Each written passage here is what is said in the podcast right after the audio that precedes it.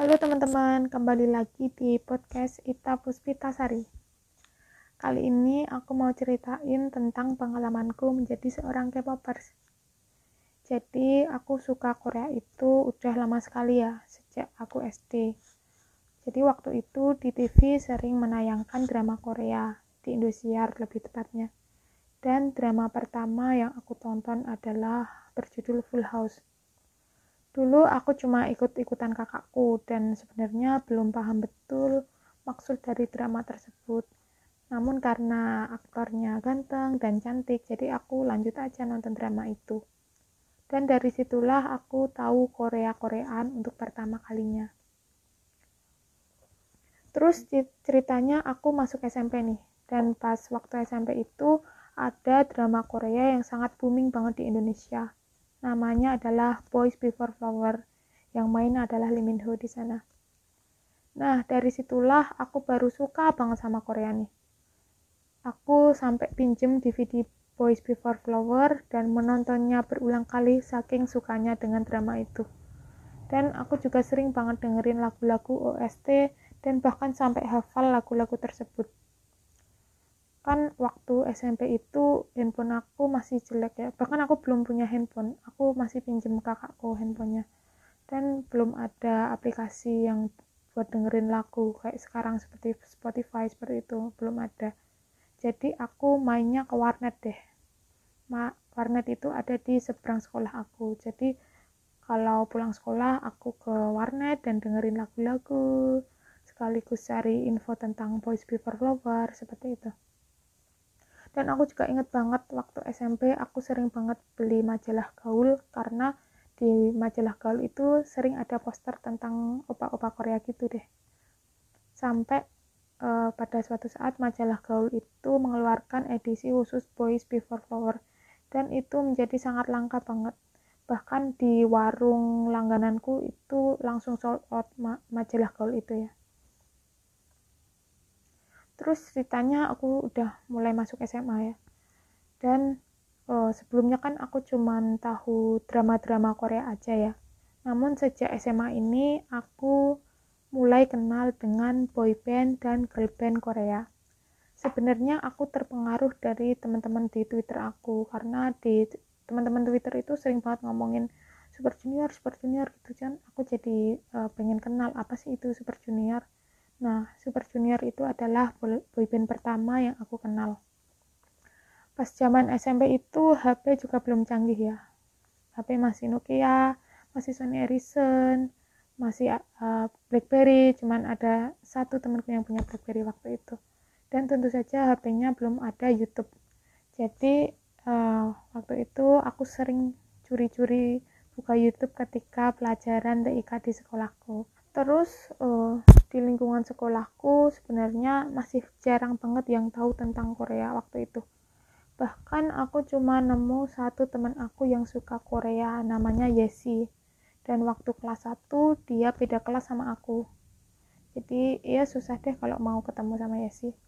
Terus uh, ceritanya aku naik kelas 2 SMA dan ternyata aku itu satu kelas sama Yesi. Nah, dari situlah aku sering main sama Yesi dan ya nonton Korea-Korea bareng walaupun cuma dari laptop. Nah, kan bagi seorang K-popers itu kalau belum punya album itu berarti belum afdol ya. Namun saat aku SMA beli album itu kayak hanya sebuah mimpi karena uang sakuku pun nggak bisa untuk beli album yang mahal itu.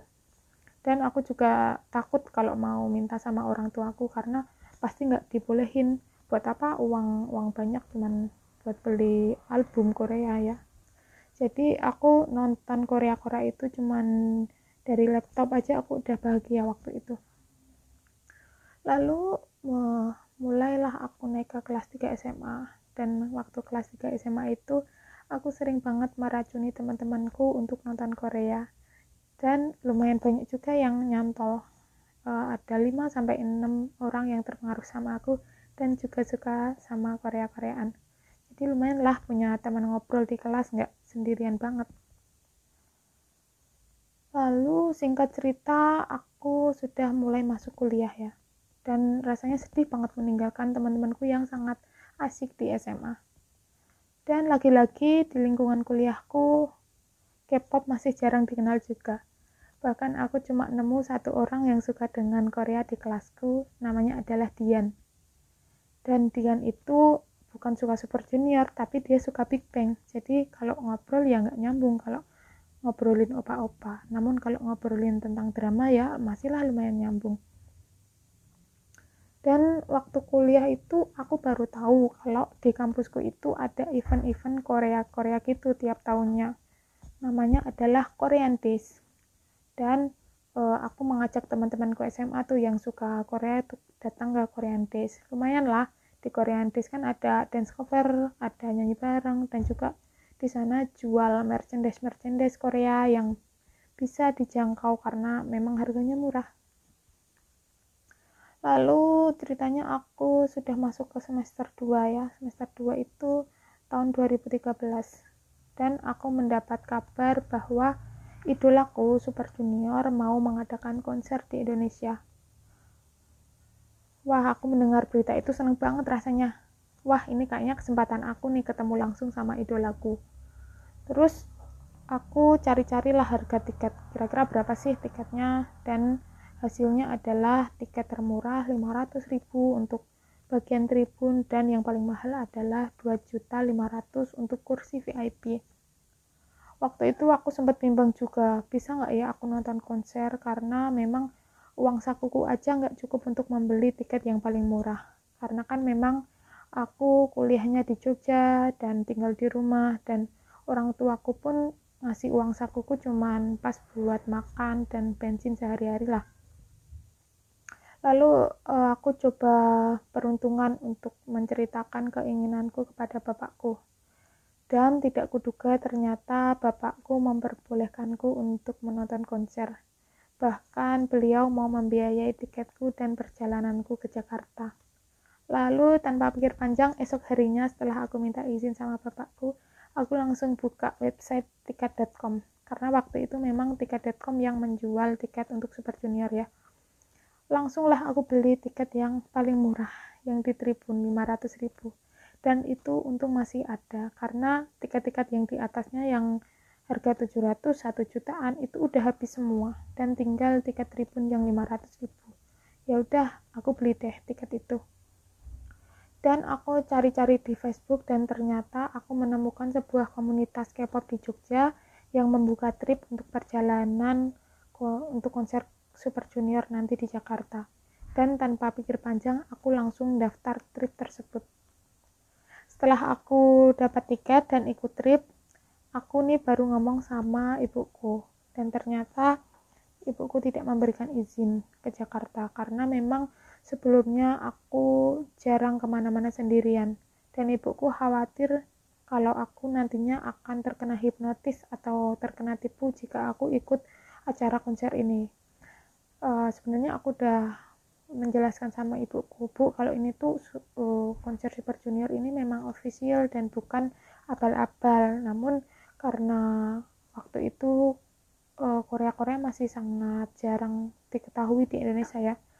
Apalagi sama ibuku. Jadi ibuku khawatir kalau aku terkena tipu dan pada akhirnya tidak diizinkan. Lalu akhirnya aku pasrah. Ya udahlah biarin tiketku hangus. Karena nggak diizinin sama ibuku untuk pergi. Lalu suatu saat aku punya ide. Setelah berhari-hari ya aku tuh punya ide. Gimana kalau aku mengajak kakakku untuk menemaniku ke Jakarta? Kan kakakku itu gak suka Korea Korea ya. Namun aku bujuk lah kak gimana kalau uh, kakak menemani aku ke Jakarta? Dan ternyata kakakku setuju. Namun uh, dia setuju hanya menemani ke sampai ke Jakarta namun tidak ikut nonton konsernya di venue. Terus uh, aku mencoba minta izin sama ibuku lagi bu gimana kalau aku ditemani oleh kakakku ke Jakarta? Dan ibuku alhamdulillah mengizinkannya dengan syarat aku harus didampingi kakakku pulang pergi ke Jakarta. Seperti itu. Dan pada akhirnya aku berhasil menonton konser Super Junior itu tahun 2013 ya ya di sana aku senang banget lah. Karena berhasil melihat idolaku walaupun dari tempat duduk yang paling tinggi tribun jadi agak kelihatan jauh ya panggungnya dengan tempat duduk. Tapi gitu aja aku udah bahagia. Nah sekian uh, ceritaku tentang pengalamanku menjadi K-popers. Dan ini hanya sebagian kecil pengalamanku saja karena masih banyak pengalaman lain tentang uh, perjalananku menjadi seorang K-popers. Dan mungkin akan lanjut ke episode 2 uh, sampai jumpa teman-teman. Terima kasih sudah mendengarkan